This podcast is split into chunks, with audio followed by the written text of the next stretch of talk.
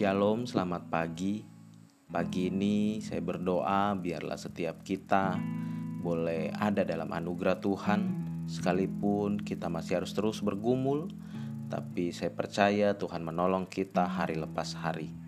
Pagi ini kita akan merenungkan firman Tuhan dari kisah para rasul pasal yang keempat ayat yang ke-10 sampai 12. Kisah para rasul pasal yang keempat ayat yang ke-10 sampai 12 demikian firman Tuhan.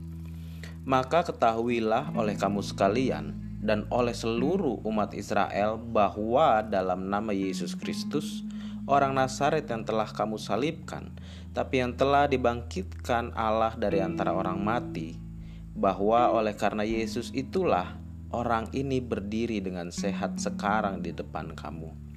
Yesus adalah batu yang dibuang oleh tukang-tukang bangunan, yaitu kamu sendiri namun ia telah menjadi batu penjuru, dan keselamatan tidak ada dalam siapa pun juga selain di dalam Dia, sebab di bawah kolong langit ini tidak ada nama lain yang diberikan kepada manusia yang olehnya kita dapat diselamatkan.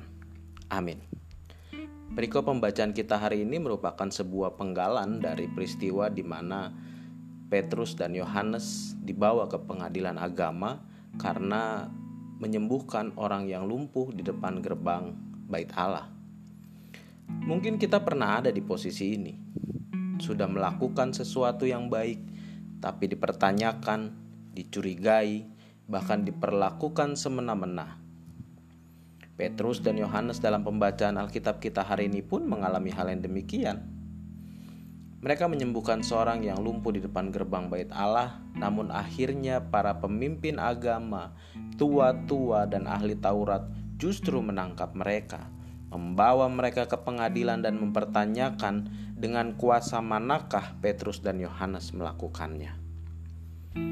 Ketika kita diperhadapkan dalam situasi seperti ini, ada dalam tekanan, masuk dalam situasi kritis, Seringkali kita meresponinya dengan dua cara.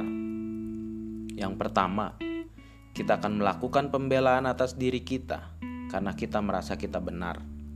Yang kedua, kita akhirnya menyalahkan Tuhan karena apa yang kita lakukan sudah benar, tapi mengapa justru kita masuk dalam situasi seperti ini? Petrus dan Yohanes justru memilih respon yang berbeda. Mereka tidak melakukan pembelaan diri, dan mereka juga tidak menyalahkan Tuhan atas apa yang mereka alami. Mereka justru melihat sebuah kesempatan di tengah krisis yang sedang mereka hadapi. Sebuah kesempatan untuk menceritakan Kristus yang disalib namun bangkit, Kristus yang dibuang namun menjadi batu penjuru dan sumber keselamatan di depan para pemimpin-pemimpin agama, di depan tua-tua dan ahli Taurat. Dengan berani, mereka menceritakan tentang Yesus kepada semua orang.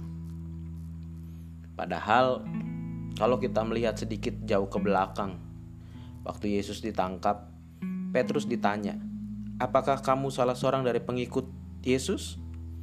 Saat itu Petrus menjawab, "Bukan." Lalu pergi meninggalkan Yesus. Tapi setelah mengalami perjumpaan dengan Tuhan, Petrus mengalami perubahan yang luar biasa dia tidak lagi dikuasai ketakutan, tapi dengan penuh keberanian menceritakan Yesus di depan semua orang, di depan pengadilan agama dengan berbagai resiko dan berbagai kemungkinan yang bisa terjadi.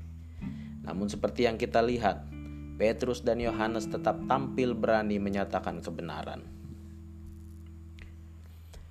Memang bagi mereka yang membuka diri untuk mengalami perjumpaan dengan Tuhan, pasti akan mengalami perubahan untuk itu kita harus membuka diri kita untuk berjumpa dengan Allah setiap hari. Lewat apa? Lewat perenungan-perenungan pribadi kita, lewat perenungan-perenungan firman Tuhan yang kita lakukan setiap hari.